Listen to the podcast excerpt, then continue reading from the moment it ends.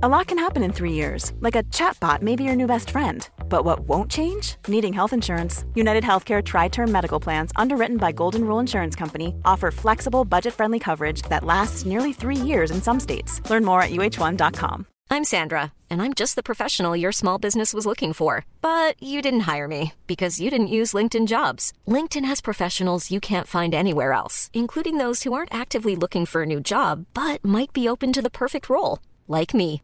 In a given month, over 70% of LinkedIn users don't visit other leading job sites. So if you're not looking on LinkedIn, you'll miss out on great candidates like Sandra. Start hiring professionals like a professional. Post your free job on linkedin.com/people today. Hey, it's Ryan Reynolds, and I'm here with Keith, co star of my upcoming film, If, only in theaters, May 17th. Do you want to tell people the big news? All right, I'll do it. Sign up now and you'll get unlimited for $15 a month in six months of Paramount Plus Essential Plan on us. Mintmobile.com slash switch. Upfront payment of $45 equivalent to $15 per month. Unlimited over 40 gigabytes per month. Face lower speeds. Videos at 480p. Active Mint customers by 531.24 get six months of Paramount Plus Essential Plan. Auto renews after six months. Offer ends May 31st, 2024. Separate Paramount Plus registration required. Terms and conditions apply if rated PG. Vi är denna vecka sponsrade av Indie Beauty. Och Sofie, det här tycker jag är extra fint och extra roligt. Ja men Indie Beauty är ju ett skönhetsvarumärke som jag tror att väldigt många känner till, men det jag älskar mest det är att Indie Beauty liksom vill vara mer än bara produkter, vilket de ju också är. Exakt. Indie Beauty står ju för Independent Beauty, skönhet på dina villkor och för din egen skull.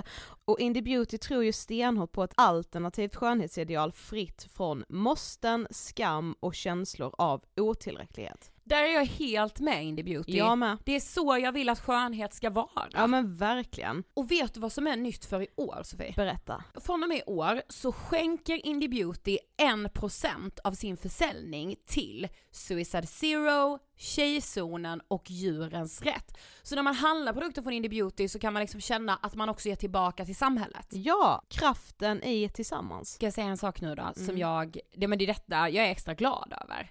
Nu har Indie Beauty tagit fram en keps och den tycker jag ändå så på sommaren, skydda sig från solen, Jättebra, jag älskar kepsen. men det bästa, de bidrar till Suicide Zeros viktiga arbete för att minska antalet självmord och självmordsförsök.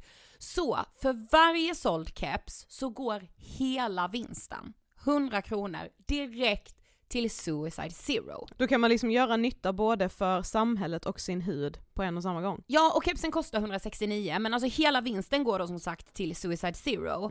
Så om man vill göra skillnad när man är där ute i solen, nu när den börjar titta fram, då ska man välja den här kepsen. Den säljs exklusivt på indiebeauty.se och på Apotea. Tillsammans kan vi skapa en ljusare framtid. Vi ses med kepsarna på! Tack Indie Beauty. Vi är sponsrade av Mindler och som ni säkert vet sedan tidigare så är vi ju ute på psykologresan tillsammans. Men hur vet man egentligen när det är dags att söka hjälp? Ibland uppstår saker i livet som kommer utmana oss och kännas tufft. Det mesta självläker vi oss igenom, för vi är menade att ta oss igenom en viss mängd påfrestningar. Men ibland behöver man professionell hjälp för att ta sig ur jobbiga perioder i livet. Men vart går då gränsen? Vad är en del av livets skavighet och när är det läge att söka hjälp? Det sägs till exempel att stress är farligt, men att det också kan vara bra. Alla sover dåligt ibland, så när har man egentligen sömnproblem? Ångesten kommer väl krypande för de flesta någon gång. Så när ska man se ångesten som outhärdlig? Hur vet jag? Med oss som psykolog har vi såklart min gamla psykolog Linnea Seidbrant. Men Linnea, vad är egentligen utmattningssyndrom? Utmattningssyndrom är en konsekvens av svår och långvarig stress utan möjlighet till återhämtning. Vi är ju då skapta för att klara av stress, men vi behöver också återhämtning. Om du utsätts för för mycket stress under en lång period utan att du får till den nödvändiga återhämtningen så kommer kroppen till slut att säga ifrån. Och det är faktiskt så att alla har en gräns. Du kan drabbas av en rad fysiska eller psykiska besvär som trötthet, sömnproblem, hjärtklappning, besvär från magen och tarmarna och mycket annat. Och det här är ju då varningssignaler och tecken på att du kan behöva göra någonting åt din situation. Annars så kan besvären utvecklas till att du mår så dåligt på sikt att du blir psykiskt och fysiskt utmattad. Ladda ner Mindler till din telefon och läs mer på mindler.se. Hej på er! Okej, vi har en helt otrolig nyhet. Som ni vet så har vi haft vår insamling tillsammans med Hjärnfonden till förmån för forskningen på ångest och psykisk ohälsa. Vårt mål var att samla ihop 40 000 kronor med hjälp av er och vi har lyckats nå målet. I talande stund är vi uppe i 42 221 kronor. Alltså gåshud, förstå hur mycket pengar det här är till forskningen på psykisk ohälsa. Tusen tusen tack alla ni som har skänkt. Men det vore ju roligt att nå ännu lite mer pengar. Ja, vi tänker så här, tänk vad kul om vi fram till den 2 juli då eh, insamlingen avslutas kan lyckas samla ihop 50 000 kronor och visa liksom så här, så här mycket bryr vi oss om forskningen. Insamlingen hittar du på insamling.hjärnfonden.se. Där söker du på Ångestpodden så kommer du till vår insamling. Insamlingen är även länkad på vår Instagram i vår bio liksom, nästan varje dag också så länkar vi den på vår Insta-story, den fick, finns också länkad på vår Facebook-sida och i vår Facebookgrupp Ångestpodden Vi pratar vidare. Nu kör vi! Heja heja!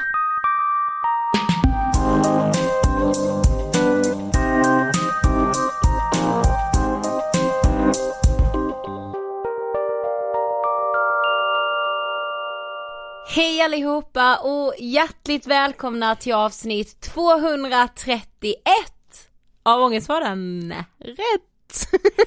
Nej men vad sjukt att det var så 231, Ja. tycker du inte? Nej jo.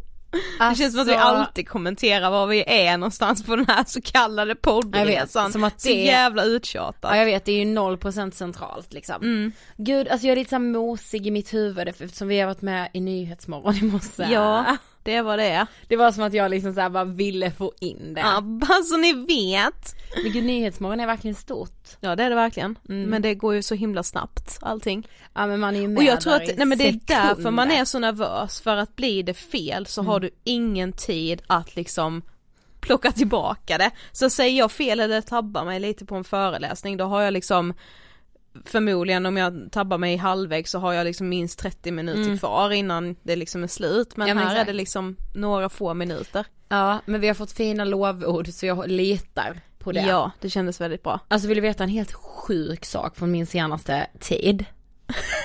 Ja, Nej men alltså det är så här. tid alltså, som är liksom senaste livet. veckan här. Senaste Ja, tid men- i livet. Aha. Alltså du vet så här, jag märker hur jag inte kan släppa saker. Utan hur jag ska ta fighten. Hela tiden. Jaha, Det är så jävla jobbigt. men vad menar, alltså kan du ta något exempel Ja, utan men att typ- måla ut någon? Nej men alltså typ de senaste två festerna, då har jag typ bråkat.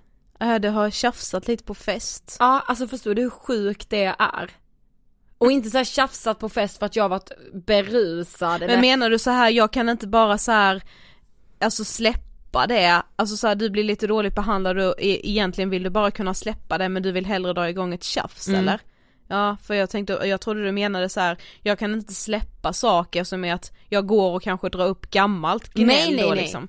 Men alltså jag menar att jag bara säger men om någon säger en kommentar, då kan inte jag bara låta den rinna av. Men har du ångest för det dagen efter? Ja så in i helvete. Okej.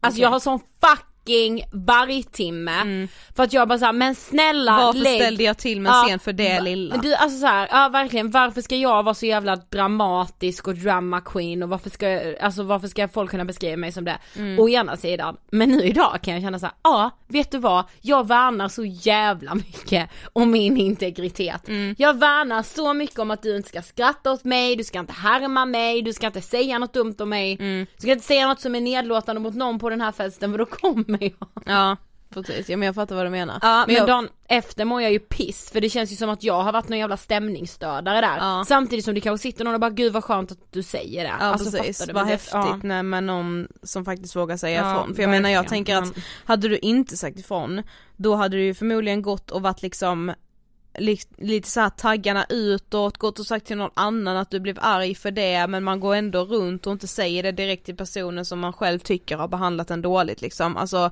det är väl bättre att bara ta det direkt, bara du nu blir jag faktiskt väldigt upprörd av det du gör här, alltså Ja men samtidigt kan jag bli såhär ja men gud. Eller alltså. är det så farligt? Ja, tänker man ju. Det är det jag tänker, är det så farligt och så här, varför ska jag hamna i liksom händelsernas Blåsväder. centrum Mm. av något slags tjafs i tjafs. Mm. Som Alltså egentligen vet, inte jag bara såhär, ah gud. Och det sjuka är att de här festerna, då har det varit en person där som jag har träffat för första och andra gången och jag bara hennes bild av mig är helt sinnessjuk.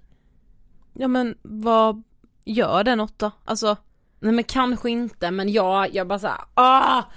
Jag våndades liksom för att jag bara såhär, men varför bara, ah, Men jag tror att man måste, alltså det är ju skitsvårt, jag säger inte att jag kan det här, men liksom som en påminnelse till både dig och mig kanske, att, och det här är liksom inget nytt för någon, men jag tror liksom bara så här, man är så jävla mån om att alla ska ha den bilden av en själv som man själv vill ha av sig själv.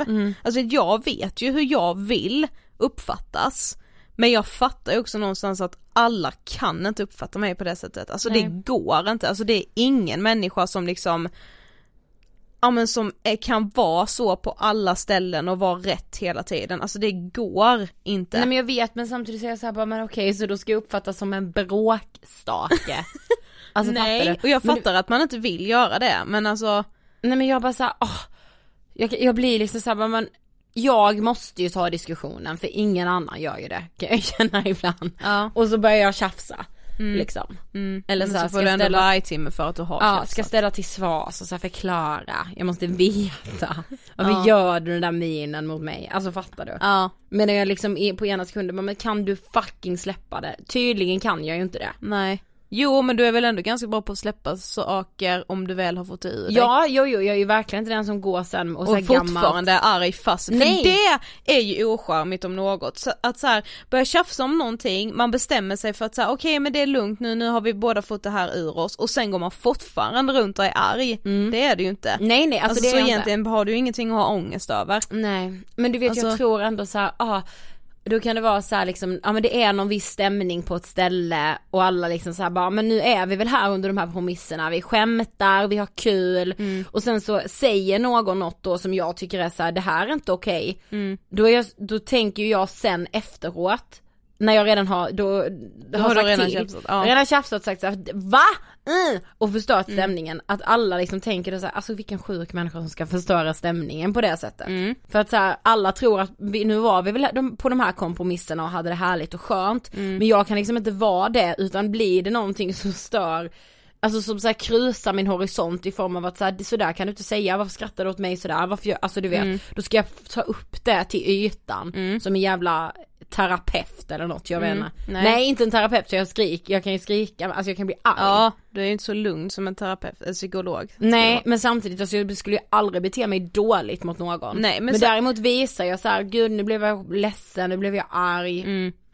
Jo jo men det är ju, alltså man, man det händer väl ganska ofta att man blir jävligt trött på sig själv bara. Och det är ju skittråkigt och det kan ju verkligen ge en ångest, alltså det är ju liksom min vargtimme tillhör ju också verkligen det här när man har blivit så jävla trött på sig själv. När man typ har bestämt sig för att så här, åh men här, idag ska jag ta det lite piano och så blir det ändå något drama kring någonting, alltså det behöver inte alltid vara ett bråk, det kan ju vara att man blir liksom dramatisk eh, runt liksom, jag har ju haft så mycket vargtimme många gånger när jag typ så här har blivit intresserad av någon och inte har kunnat hålla tillbaka någonting utan bara liksom kört på Ja. och liksom nästan kört över Ja. en annan människa och då får jag ju verkligen med såhär bara eh, kan inte jag bara vara en människa som är lite lugn och sansad någon gång liksom? Nej liksom, Mm. du kan inte det.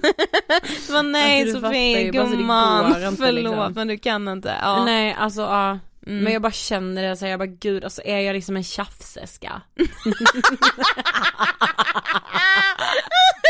Tjafseska! Tjafseskan Åkestrand.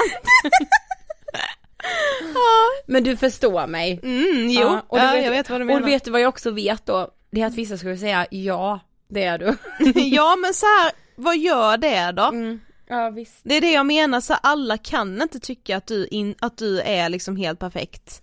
Nej men det menar jag inte att man behöver tycka Jo fast, det, fast det är det man får lite panik över, Ja, att så här, nu har den, någon fått se, nu har den en, en dålig uppfattning om mig Ja. och det är inte bra. Varför är inte det bra? Mm. Är det liksom en relation du värnar om? Ja det är ju viktigt att jag inte tycker att du har fler dåliga sidor Att än jag är en bra sidor. tjafserska. Ja precis, för att så här, då, då blir det liksom jobbigt att ha en bra relation men man Mm. behöver inte ha goda relationer med alla. Nej jag vet, det behöver man verkligen inte. Nej. Och så här, men det, alltså jag vet inte. Jag har haft motpiss över det, att jag bara så här, är jag en person som ska ta den så kallade diskussionen hela, hela, hela, hela tiden. Släpp det. Ha en kul kväll gumman. Ja. Alltså typ. Okej. Vi har ju varit med i tankesmedjan Alltså att jag hade missat det. Nej men det Jag här är så sjukt ingen att vi aning. förra veckan sa det är en liten dröm ju, sen bara får jag sms Då menar du så att det, det är dröm att någon gör satir av oss? Ja typ.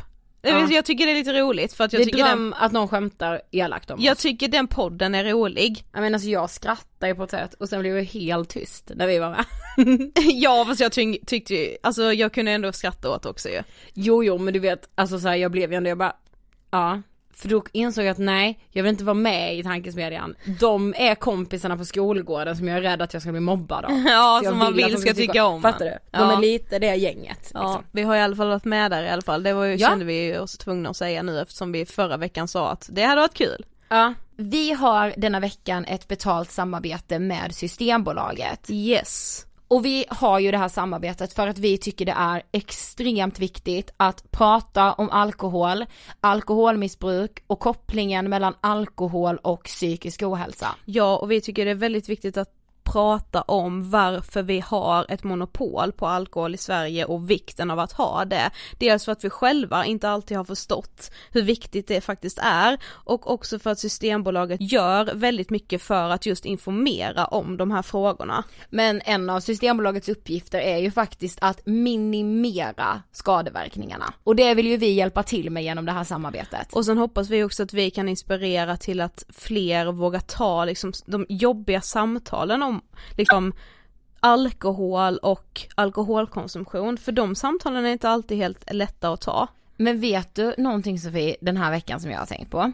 Det är ju hur vi kommunicerar alkohol.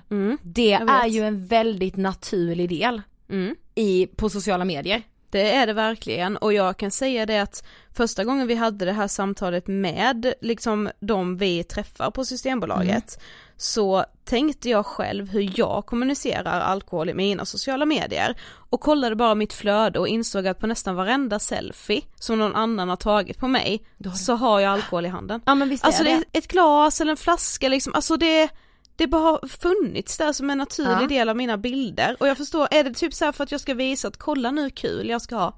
Ja men lite att alkohol har blivit en symbol för att mäta hur, ja men hur kul man har. Ja, och, Och du vet- så här, nu, jag har så mycket att fira Ah, jämt Det var och det jag skulle säga. Idag är ju firandet så här, du och jag kan ju ibland tycka att vi inte har firat ordentligt om vi inte har poppat en flaska bubbel Precis, liksom. för vi har ju, det vet ni ju som har lyssnat på podden länge att vi alltid har sagt att vi är så dåliga på att fira och egentligen är vi inte det för vi gör väldigt mycket symboliska saker för att fira, typ så här, denna eftermiddagen köper vi de här bullarna av den anledningen att vi ska fira det här som Ja. har hänt liksom. Men anledningen till varför vi säger att vi är dåliga på att fira, det är för att firandet inte innehåller att poppa en flaska liksom. Ja! Det är så sjukt. Jag vet.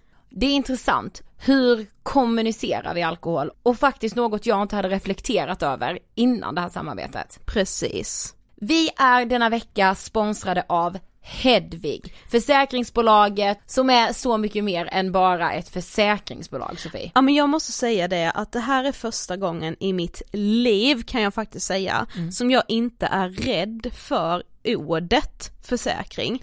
För jag har alltid känt att jag inte har inte kontroll ska jag inte säga men det har alltid känts som något jobbigt och svårt för att det har känts så svåråtkomligt och svårbegripligt på något sätt. Men jag har ju också alltid varit rädd för att bli misstrodd. Ja men verkligen ja men för oftast är det ju så att när man väl har kontakt med sitt försäkringsbolag så har det ju liksom, de har, har man hamnat i en situation där man behöver hjälp. Man kanske är chockad, man är orolig, man kanske har ångest. Ja.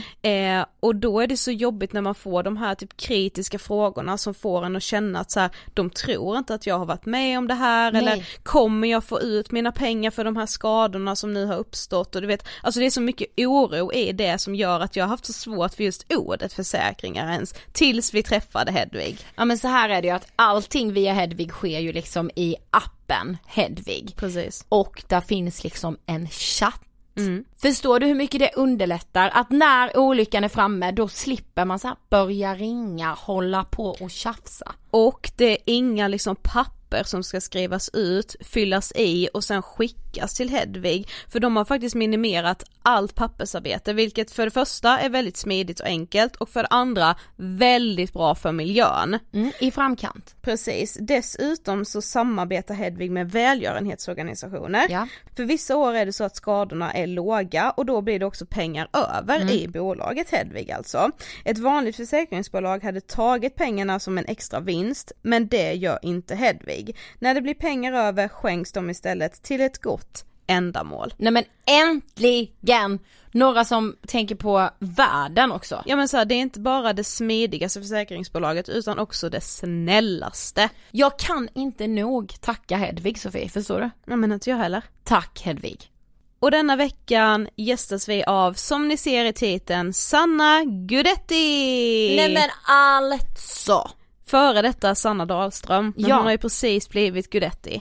Ja, eftersom hon precis har gift sig. Precis. När jag skulle visa den här, det var något hopklipp med bröllopsklipp och lite bilder och musik och sådär. Mm. Jag grät ju på ett vis som var, Ja det var en stucken gris. men grejen var alltså när Sanna kom hit, jag var lite så nervös. Sanna för mig har alltid varit cool, alltså så jävla cool. Ja men jag tycker det är så faktiskt befriande att titta på liksom Sannas, ja men till exempel hennes YouTube-kanal Mm. för att hon inte att hon inte är som man kanske tror, men så här, hon är bara så jävla skön, alltså Mm. det är befriande att titta i hennes sociala medier. Ja men sen var hon liksom rolig och snäll och bara världens finaste människa när hon kom hit. Precis, verkligen. Och vi ska prata med henne dels om liksom att hon precis har gift sig, det hade hon inte gjort när vi Nej. poddade, men vi pratade inför Och hon bröllopet. träffade liksom sin man, som det numera är då ju, Ja. John, alltså Sofie, Så jävla tidigt. nej men du och jag var helt, vi, vi var såhär Ja men det är så, nej men det blir så här att man tänker att wow, tänk att de liksom träffades när de fortfarande var liksom barn och nu Ja, har de gift Nu de, sig. ah gud det är så fint. Det är väl liksom ändå en dröm att så här, Mm. undrar om jag har träffat min framtida man. Ja, Ja. ja. skitsamma. Eh, men vi pratar också om Sannas uppväxt. Om alkoholmissbruk Mm. i familjen Yes. och om sociala medier. Ja, Okej, vi rullar intervjun med Sanna Gudetti. varsågoda. Hej Sanna och varmt välkommen till Ångestpodden! Tack snälla, jättekul att vara här. Det är så kul att du är här. Är det speciellt när man liksom har lyssnat på din och Majas podd, alltså Livet på läktaren, då känns det som att jag känner dig jätteväl. Nej men du känns ju ändå som en van poddare tänker jag. ja. Ja men jag är ju faktiskt det, men jag är inte så van att vara i en studio så att det kanske blir lite Ja. svårare. Ja, Det och blir lite så här konstigt att man tittar på någon. Ja. Annars är det så här Skype, att det kanske fastnar till ibland liksom. Ja. Ja. Men eh, det Ja, här ska blir det inte vara något lagg. Ja men det blir ju bra för vi kommer inte avbryta varandra lika mycket som jag och Maja har gjort med tanke på att det hamnade efter Mm. ganska ofta. det. Mm. Mm. Ah, shit just det, det tänker man ju inte ens på. Nej. Men för de som inte vet, vem är du? Jag är alltså, ja, får man säga, jag poddade i Livet på läktaren. Jag har en YouTube-kanal, Sanna Dahlström. Jag är snart 27, har två barn. Ska gifta mig om typ en månad. Ja just det. Ja, Wow. Helt otroligt. Ja. Jag vet inte riktigt hur jag ska beskriva mig Men själv. 27, då är du, är du 92 Ja, eller? jag är 92. Ja, Mm. vi är 93 år. Ni är det? Ja. Men det känns inte som det. Tycker du inte? Nej, ja, men gud nu känner jag ännu mer såhär okej. Kanske jag är ännu mer bekväm för jag är äldst. Ja. Ja, nej men det känns inte alls som att ni är så unga.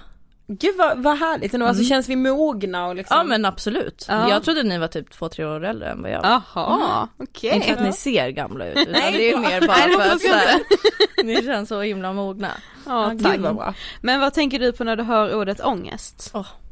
Alltså bara när jag lämnade min dotter nu innan jag skulle hit och hon började gråta var ju ångest liksom. Ja. Nej men det är så mycket, alltså jag har så många anhöriga som lider av ångest. Mm.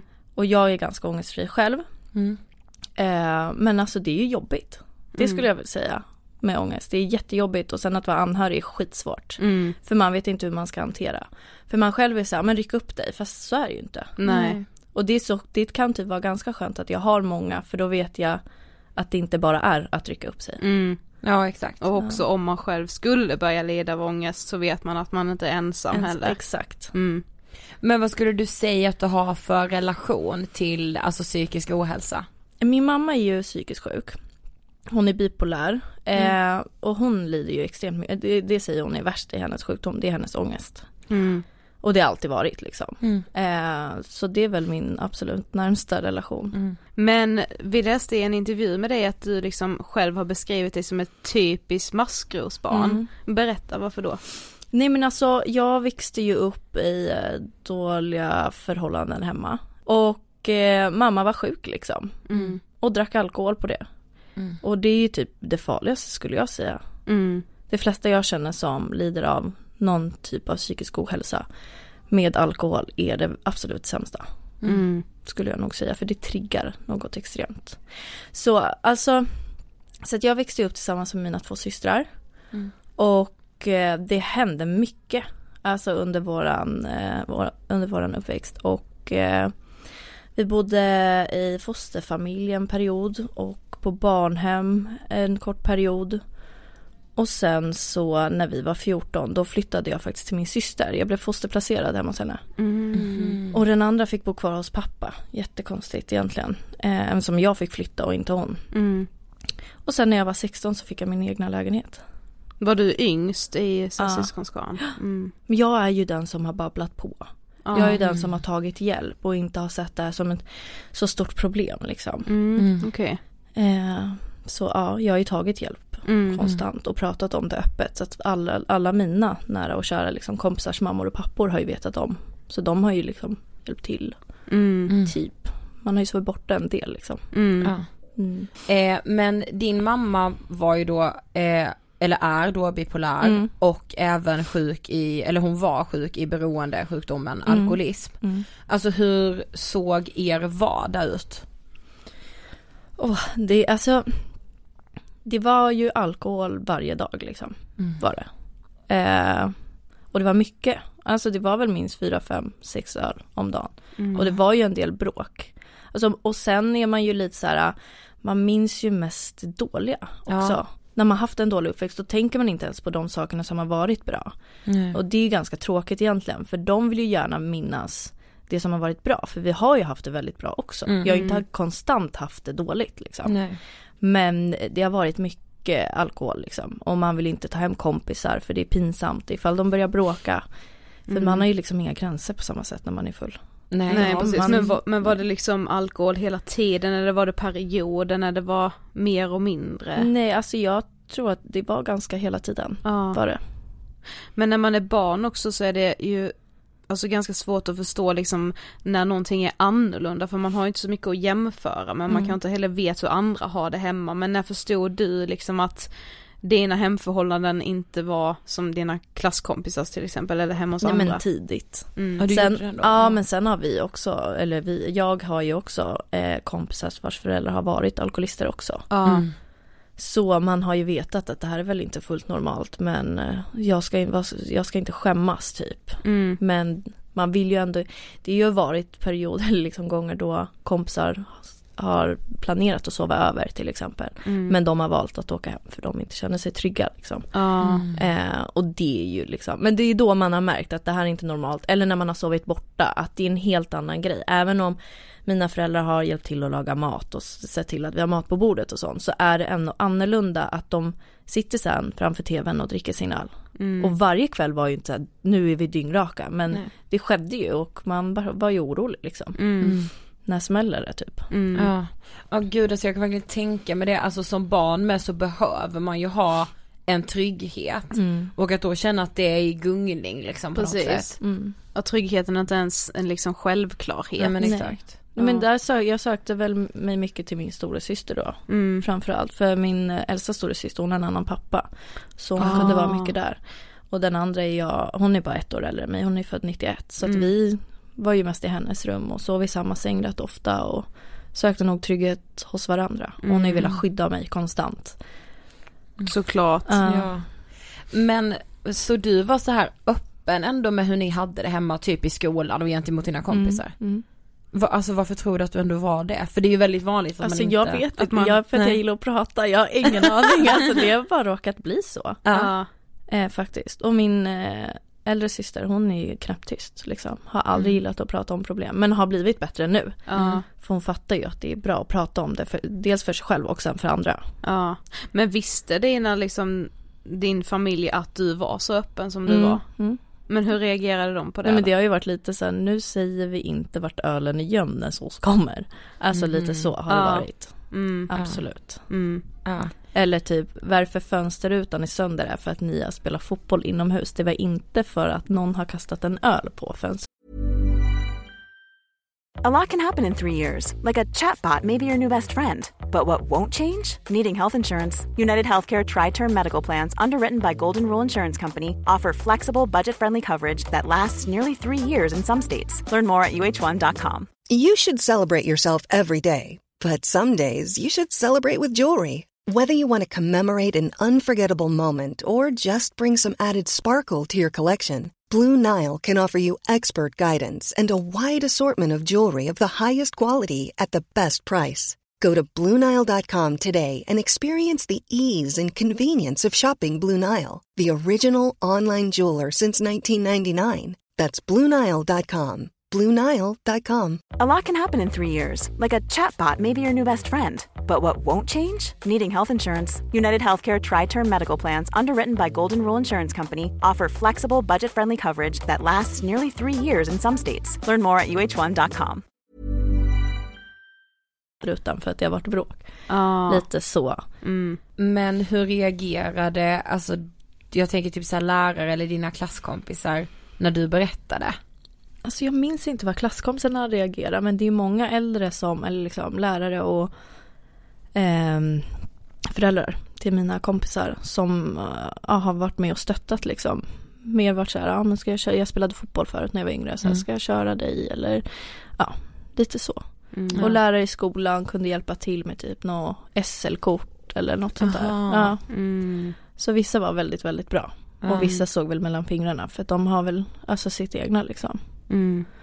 Mm. Men ni var ju alltså också då under en period placerade i både barnhem och fosterhem. Mm. Hur var det?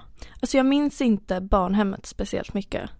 Men fosterhemmet, då minns jag bara liksom en händelse för jag var sängvätare när jag var liten. Mm. Så jag kissade i sängen men jag var jätterädd så jag väljer att hoppa över till min systers säng, Ninni. Och då märker den här fostermamman det då. Och hon vart ju så förbannad så hon gav ju mig en smäll på grund av att jag la mig i hennes säng och där fanns ju inget sånt här sängvätarlakan. Och då hade jag ju kissat sönder sängen. Men då, där var det så här, man vet ju nu när man är äldre att de gjorde det ju endast för att man får pengar när man är fosterförälder. Liksom. Ja. Och Gud det är så hemskt. Mm. Men gud alltså vet ni, barnhem, jag, tänkte, jag trodde typ knappt att det fanns. Nej. Alltså Mm. jag tänkte typ såhär Rasmus på luff, alltså ni vet såhär jättelänge sedan. Ja precis. Nej men jag Typ. minns inte ens hur det Nej. var. Jag minns inte om det var, det kan ha varit något så här mamma och barnhem, Mm. alltså någon blandning. Alltså jag har noll minne. Jag har typ någon bil, en bild när vi är på så här lådbilslandet eller något. Jaha, och då okej. får jag ångest på tal om det. Då är Ja. det så här, jag kan inte ens titta på den där bilden. Nej. Men ändå så minns jag liksom inte riktigt hur det var. Nej, hur vi fattar. bodde överhuvudtaget. Men varför får du ångest liksom av att titta på bilden? Jag vet, men det är bara så här, är en jobbig tid i livet liksom. Ja. Och även om man är ett barn så ser man ju på sina föräldrar att de har det tufft. Mm. Och vi är ju, vi var ju endast placerade på grund av att det inte funkade. Och alltså vilken förälder vill inte ta hand om sitt egna barn? Mm. Oavsett om de har liksom sina sjukdomar så vill de ju kunna göra sitt bästa. Mm. Och sen så går det ju inte hela vägen när man alltså mår dåligt, så är det ju. Mm. Ja men var det så här, vilken anledning fick ni liksom bo i fosterfamilj? Alltså min eh, pappa satt inne då. Och mamma Mm. vart sjuk samtidigt. Ja. Och eh, min mormor och min moster och någon till vart väl tillfrågade om vi kunde bli placerade där. Men alltså de hade egna barn. Mm. De kunde inte ta tre till och min mormor, jag vet inte om mor, min mormor fick nedslag eller något. Alltså att hon inte fick. Ja okej. Jag vet faktiskt inte. Så Mm. att det var anledningen. Mm. Okej. Men sen efter att ni hade varit fosterhemsplacerade Mm. så fick ni åka tillbaka hem? Alltså jättemärkligt för vi fick hälsa på hemma hos mamma efter ett tag Ja. när hon hade varit frisk ett tag.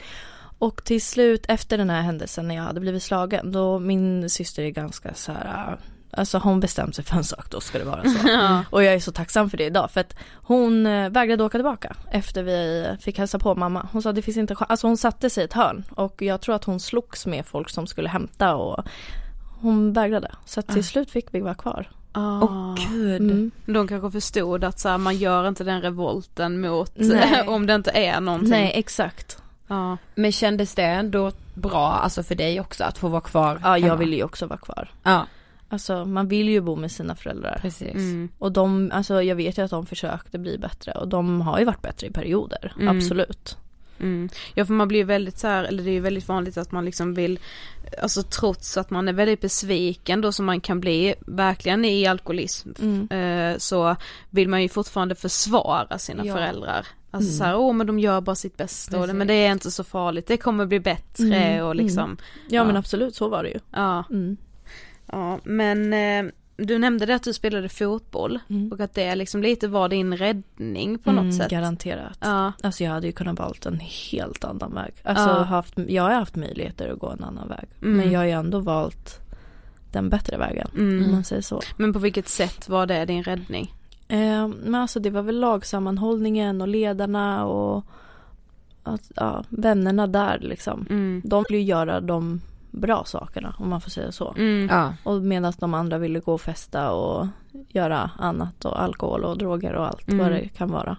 Men tror du det var så här ett aktivt val av dig även ifall du var väldigt ung så var det liksom så här var det taktiskt av dig att typ hålla dig borta från så här de dåliga Mm. sakerna då som att festa och så här? Ja men jag tror det för jag var så här bestämd. Så här, nej jag ska inte börja röka och jag ska inte börja dricka. Sen så råkade det hända ändå. Ja. men, men absolut, jag tror att det var ett aktivt val att jag ska inte bli samma sak. Mm. Men alltså när vi läste det här då dog vi, men alltså när du var 12 år träffade du alltså din nuvarande soon to be man. Mm, jag vet, John. så coolt. Ja. Alltså hur träffades ni? Nej men alltså, eh, jag började i fotbollsklass, jag fick reda på det. Så jag spelade i en klubb som heter Sätra SK. Ah. Och då fick vi information om så här, men Nybohovskolan för sexor öppnar med fotbollsklass. Och då var det jag och typ två till som Ja. men vi börjar där. Och Ja. då började John där samtidigt, så vi har känt varandra så länge. Det är så Ja, det är så jävla häftigt sjukt. Och alltså. ni som ska ni gifta er liksom. Ja, det är helt sjukt. Ja, alltså. Men vad har liksom John betytt för dig och kom du liksom nära hans familj och var du öppen mot honom med hur du liksom hade haft det? Ja, alltså han är allt. Alltså han, men han lever på ett så, han är alltså den mest ångestfria människan jag känner. Det är helt otroligt. Alltså han är så positiv till allt. Så att Ja. jag behöver ju en plusmänniska. Mm. Han är ju verkligen en plusmänniska också. Så att alltså han har ju varit med när jag har brutit upp i skolan eller det har varit någonting sånt, det har hänt någonting.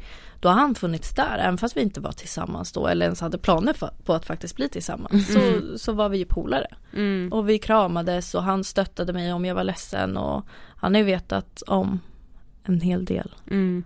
Och det måste vara så himla tryggt också, alltså för när man lär känna varandra när man ändå är så unga, Mm. då liksom följer man ju varandra i allting, alltså så här, i utveckling när man växer upp, att liksom bli Ja. den personen man är. Ja. Ja men då på något sätt tycker jag det kan inspirera fast när man är så ung, visst att man på ett sätt liksom alltid vill försvara sina föräldrar och så, men man har liksom inte lika mycket att förlora på att vara ärlig som man har i typ vuxen ålder. Alltså så här, har man gett sken av att allt är bra och sen ska man helt plötsligt vara ärlig mot någon med att säga nej men allt är inte riktigt hundra. Då känns det som att man riskerar så mycket. Att så här, folk ska döma en liksom och så. Absolut. Ja men speciellt när man är liv, man är ju rädd för att förlora typ sina föräldrar. Ja.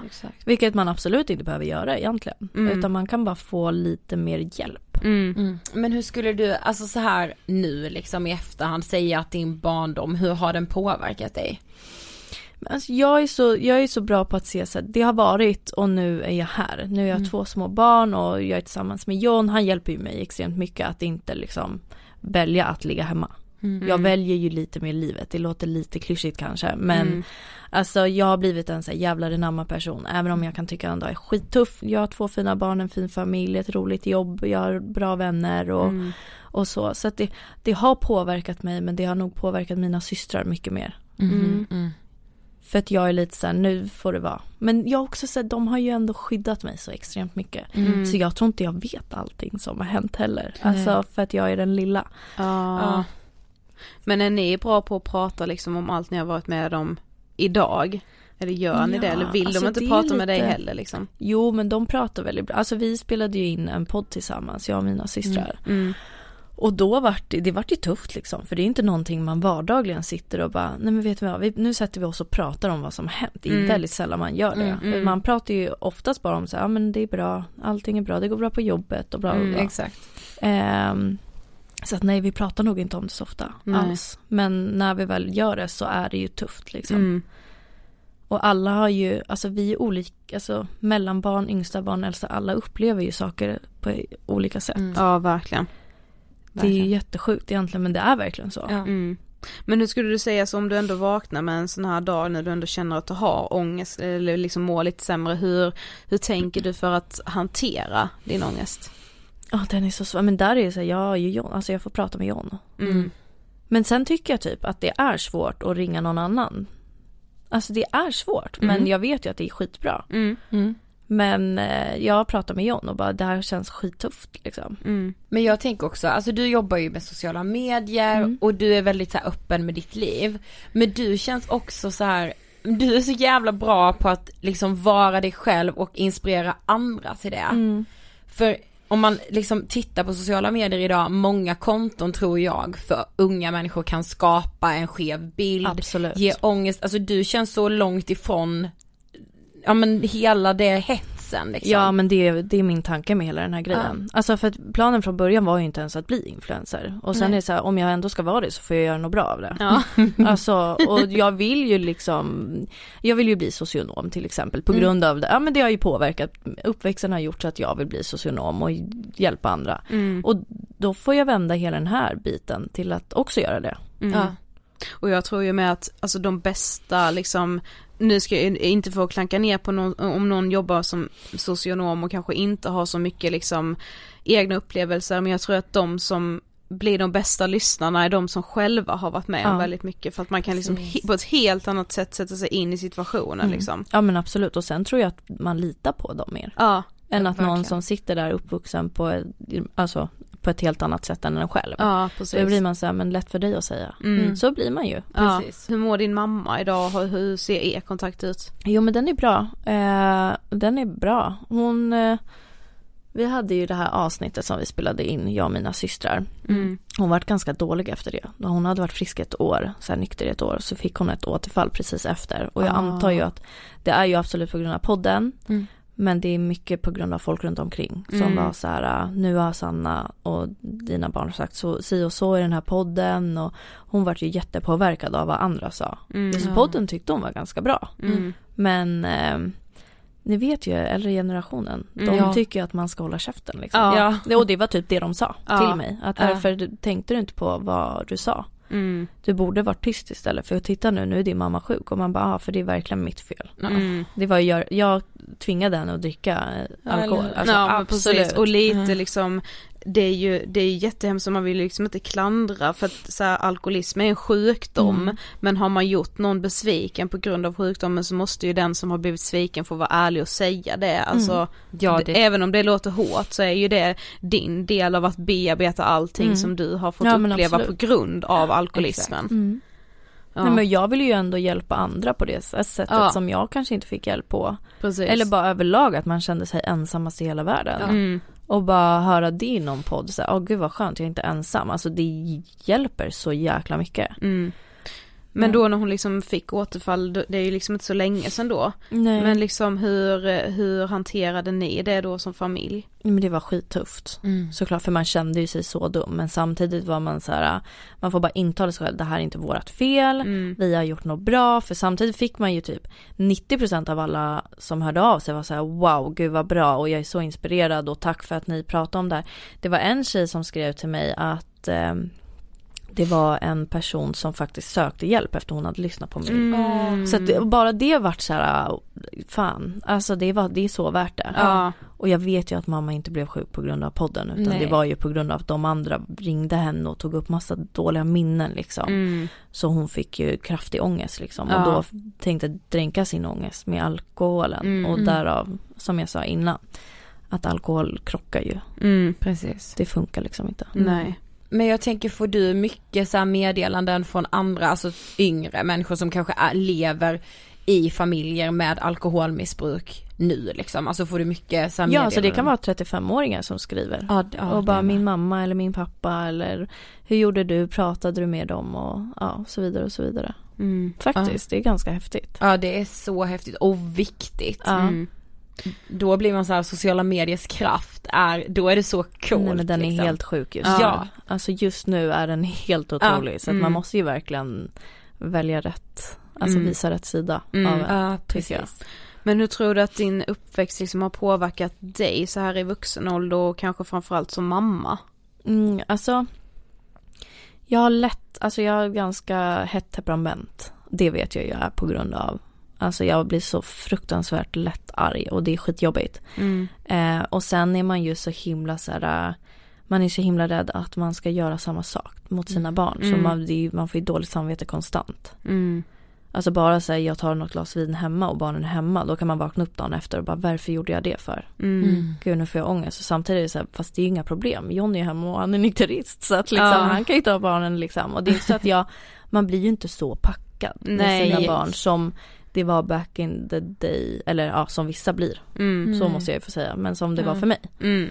Det är inte så att jag tar med dem på puben liksom. Nej. Nej. precis. Nej, där har man hängt liksom när man var yngre. Det är Ja. så hemskt egentligen. Vad så du kunde vara med på, alltså puben? Ja, alltså ni vet när eh, det var lagligt att röka inomhus. Alltså Ja. då satt jag och min syster där och fick spela på någon så här automat typ. Åh, spelmaskin typ. Mm. Nej men oj. Ja. Men jag tänker också på, alltså hur har din egen relation till alkohol varit? Har du liksom förhållit dig till alkohol? Alltså har jag kan tänka mig att man har stor respekt liksom. Mm. Ja men alltså man har, jag tycker ju själv att det är svårt. Alltså jag har också lätt att bli för full Mm. liksom. Och det är ju, det, man sitter ju och håller, alltså jag är ju ett alkoholistbarn. Alltså man märker det för att jag är en sån som, jag dricker fort som fan och så sitter jag konstant och håller i drickan. Så att jag, alltså medvetet så, alltså jag är medveten om det. Så jag tänker ju på det. Mm. Så att det blir liksom inget problem. Nej precis, alltså Det är ju det man... som är bra. Ja men exakt.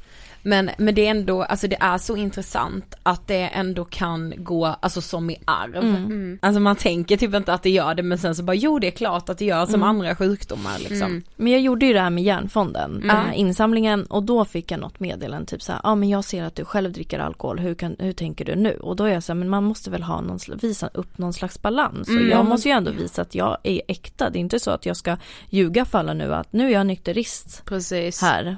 Mm. Alltså bara för att man gör en insamling mot alkoholmissbruk. Jag är ju inte alkoholist för att jag dricker alkohol. Nej, Nej. precis. Och Så så är det Exakt. det är ju liksom ändå en, en produkt som, alltså som vi ändå har i samhället Mm. och som vi inte har något förbud emot. Exakt. Så man kan inte exakt. vara den som kommer med massa pekpinnar och bara alla måste sluta dricka alkohol. Mm. Men det är ändå viktigt att man liksom ser över sin egen konsumtion kanske. Absolut. Ja men absolut. Ja. Nej men det håller jag helt med om. Ja.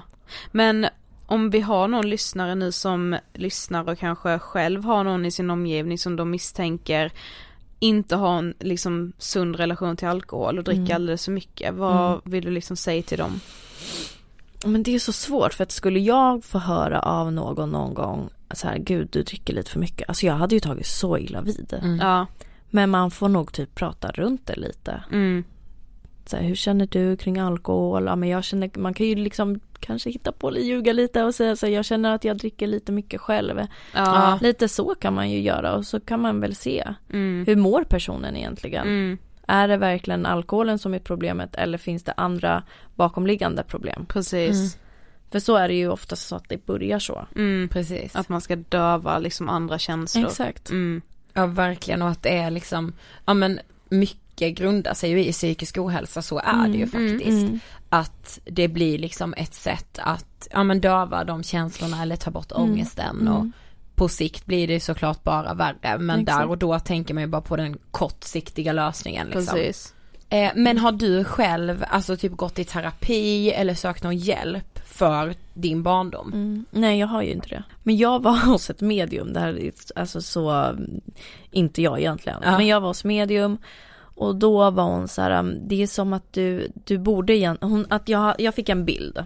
Hon Ja. satt mig ett kort med en bild på en eh, person som hade knivar stuckna mot sig och någon som liksom höll ifrån dem. Ja. Och menar på att jag är en sån person som jag tar, jag, det, allt det dåliga slänger jag bara bort. Jag behöver liksom inte gräva i det. Och jag tror att typ att det passar mig just nu. Mm. Sen kanske om tio år är det jättebra för mig. Men just nu kommer jag typ inte palla gräva i någonting. Mm. Och jag vet inte, jag tror typ att hon, det känns som att hon har rätt just med det. Mm. Sen Man kanske man inte ska lyssna på ett medium, men ni fattar vad jag menar. Ja alltså Ida gick ju med Jag- till ett medium. Jag blev spådd en gång, alltså hon Ja. hade fel på allt. Nej hon hade det. Ja. Åh, gud. Jag bara, mm, nej. Inte Nej, skit du har stämde. tagit fel, du har googlat på fel person.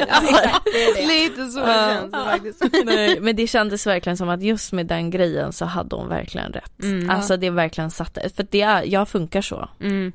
Men skulle du vara öppen för sig liksom om tio år om du börjar känna så här, man, man vet ju inte vad som liksom kan bubbla upp i Mm. framtiden, skulle Mm. du vara öppen då? Absolut. Ja. Absolut. Jag tycker typ mest det är läskigt nu när jag har två små barn och typ mest av ansvaret för dem är jag. Mm. Så om jag inte mår bra så kommer, vet jag ju att de kommer bli påverkade. Mm. Och jag mår så himla bra just nu. Och jag Mm. vet ju att man typ också ska gå i terapi när man mår bra. För Mm. att då funkar det väldigt bra det också. Mm. Men jag vågar faktiskt inte just nu. Nej. Nej jag förstår. Mm. För det blir ju ändå, alltså att gå i terapi är ju verkligen en sån här inre resa. Mm. Ja det blir ju lite som en käftsmäll kan det ju Mm. bli liksom. Det kan ju Mm. faktiskt bli det. Mm. Mm. Ja, Vi har kommit till sista frågan. Mm. Vad inspirerar dig? Oj, eh, vilken bred fråga. Ja, Alltså tänker ni med psykisk ohälsa eller? Allt. ja Alltså, allt men med psykisk ohälsa kanske kan vara intressant i och Ja. sig. Nej men alltså jag blir, så, jag blir typ driven av att min mamma har fått så dålig vård typ. Mm. Så att det är därför jag typ pratar så mycket skit om vården eller har gjort. Mm. För att jag har varit så jävla, det- jag tycker att den borde bli så, så himla mycket bättre. Ja gud ja. Och fler borde få bättre hjälp liksom. Mm. Mm. Alltså bara de storiesarna vi fick inskickade när vi pratade om psykisk ohälsa i podden var så här att jag vet liksom inte Nej jag vet. hur det här har kunnat hända. Mm. Eh, och bara den gången när mamma vart sjuk efter poddavsnittet, då vart man liksom, man fick inte någon information alls. Inte när hon hade kommit in, ingen ringde och sa hon är här nu. Så att Men- jag fick ju jag trodde ju, för att hon sa ju till mig i telefon sen, nu orkar inte jag leva längre. Mm. Sen hörde inte jag av henne på tre timmar. Alltså den stressen. Alltså Ja. man mår ju så dåligt så man ringer ju alla sjukhus och de säger så här, vi får inte säga om hon är här. Jag bara nej okej men då ringer jag polisen så att ni vet om det och anmäler henne försvunnen. Jag sitter utomlands hon har sagt att Precis, Hon ska ta livet av sig, men- så till slut så ja, bröt någon mot reglerna och sa men hon är här. Så jag vet. Åh, Men det är ändå dåligt liksom. Ja, Vad är det för, Alltså det är under De all anhöriga kritik. måste Mm. väl få veta vad, vad ens anhörig befinner alltså va? Ja men i Ja. ett sånt läge också, alltså när man har fått det samtalet, jag orkar inte leva mer, alltså då, Mm. och du var inte ens i Sverige, alltså fy fan. Nej de måste ju kunna förstå att du är dotter, alltså nej men det är bara Ja. jättekonstigt. nej men jag tycker bara att de borde ringa. Ha Ja. liksom våra kontaktuppgifter och hjälpa oss. Alltså anhöriga har ju också sjukt mycket, alltså jobbigt. Mm. Med den här Extremt. jävla skiten. Mm. Mm. Så trött på den. Men jag, alltså jag vet inte, inspirerad, alltså Nej men jag blir väl inspirerad av min eh, blivande man väldigt mycket. Jag tycker Mm. han är cool, han bara följer sina drömmar. Det har gått åt helvete tusen gånger och han bara fortsätter. Jag tycker han är ascool. Alltså jag hade gett upp för länge sedan. Jag är, aldrig, jag är alldeles för lat jämfört med honom. Eh, nej men han inspirerar mig väldigt mycket. Alltså personer överlag Mm. inspirerar mig. Mm. Bara gå sin egna väg, det är typ det absolut viktigaste. Mm. Att man ska vara sig själv hela vägen. Mm. Så sant. Mm. Tack för att du ville gästa Ångestpodden. Tack snälla att jag fick komma. Yes. Vet du vad jag tänker efter intervjun? Nej. Vet du vad Sanna är? Sund. ja. Nej men förstår du, en sund människa. Jag är så glad att hon finns på sociala medier, att hon inspirerar, är en förebild för unga människor. Mm. För hon känns så äkta, men också så här hetsar inte om någon liksom diet eller tränar så här. Hon bara är. Mm, precis. Är mänsklig liksom. Ja! Och sen också är det ju så inspirerande att liksom, men med personer som vill dela med sig av barndomar som inte har varit som de ska vara säger jag nu med citationstecken. Nej men alltså liksom har- maskrosbarn. Ja precis. Som det är så själv säger. viktigt att dela de här historierna. För att så många ska känna att de inte är ensamma om att gå igenom det. Men också så här för att sociala medier eller hela det här mediesamhället ska vara mänskligt. Förstår du? Ibland säger folk så här, "Äh, jag är så trött på att prata om psykisk ohälsa. Men vad ska vi annars prata om? Ska vi bara skämta? Nej, men så vi och typ så pratar här, ju inte prata bara om- mode eller vad, alltså va? Nej men så vi pratar ju inte bara om psykisk ohälsa, vi pratar ju om det som är livet, det Ja. som är på riktigt. Sanna, tusen miljoner tack för att du ville komma till Ångestpodden. Hoppas du vill komma tillbaka någon gång. Ja, det hoppas vi verkligen. Och stort tack till alla er som har lyssnat även denna veckan. Det var så här, oj, jag trodde typ att du skulle så här, och stort tack till min vapendragare Ida Höckestrand i den här podden. Nej, inte denna veckan. Kanske nästa. Usch vad hemskt. Jag, tro, jag trodde typ det. Jaha, okej. eh, by the way så släppte vi ju en bok här förleden. Oh my god! Vi borde vara lyckliga. Den finns att köpa på Bokus, Adlibris, på Akademibokhandeln och den ska även finnas på ditt bibliotek. Om den inte finns så se till er bibliotekarie men den är liksom under inköp. Ja, och alltså Sofie ska vi rulla vidare på Ångestpodden resan. Yes. Ångestpodden tåget kommer tuffa på. Ja, vi har ju vår eh, slutna Facebookgrupp, Ångestpodden vi pratar vidare. Vi har faktiskt lagt till nu så att om man vill ansöka om ett medlemskap så finns det tre frågor man måste besvara för att vi ska ha den här familjära känslan som vi vill ha i den gruppen. Så går ni med så finns det tre kontrollfrågor, det är för allas säkerhet och eh, mysfaktorn i men gruppen. verkligen. Om men ni alltså undrar. ärligt talat, fan vad jag älskar er som lyssnar. Yes. Alltså vet jag är så här så vi ibland, jag bara, ert stöd, alltså ni lyssnare, det är ovärderligt för oss. Verkligen. Stort tack för att ni har lyssnat. Glöm inte järnfonden nu heller. Nej Och precis, vi 20 heter- kronor kan ni skänka. Vi heter Angestpodden på Instagram också. Ja. Vad, vad pratar vi om nästa vecka? Ska vi avslöja det? Jo men vi kommer ju utgå från att du och jag ska styra det här landet för ett tag. Mm. Det behövs. Yes, då hörs vi. Hej då. Nej det var inget. Skulle Jag du inte säga hej då eller? Jo. Men det ser ut som att du ska sluta när du bara såhär. Då hörs vi! ja, jag är klart ska jag säga hej då. Yes, då hörs vi. Hej gör då. vi. Hej då.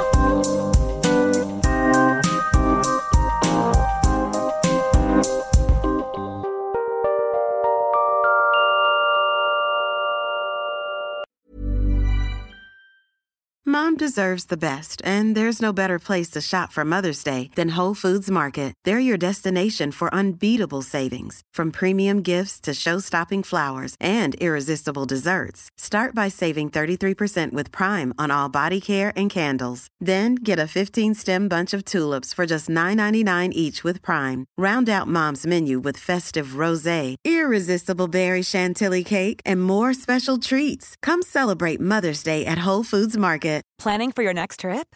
Elevate your travel style with Quince. Quince has all the jet setting essentials you'll want for your next getaway, like European linen, premium luggage options, buttery soft Italian leather bags, and so much more. And is all priced at 50 to 80% less than similar brands. Plus, Quince only works with factories that use safe and ethical manufacturing practices. Pack your bags with high-quality essentials you'll be wearing for vacations to come with Quince. Go to quince.com slash pack for free shipping and 365-day returns. Imagine the softest sheets you've ever felt. Now imagine them getting even softer over time. That's what you'll feel with Bowl and Branch's organic cotton sheets. In a recent customer survey, 96% replied that Bowl and Branch sheets get softer with every wash. Start getting your best night's sleep in these sheets that get softer and softer for years to come. Try their sheets with a 30-night guarantee. Plus, get 15% off your first order at bowlandbranch.com. Code BUTTERY. Exclusions apply. See site for details.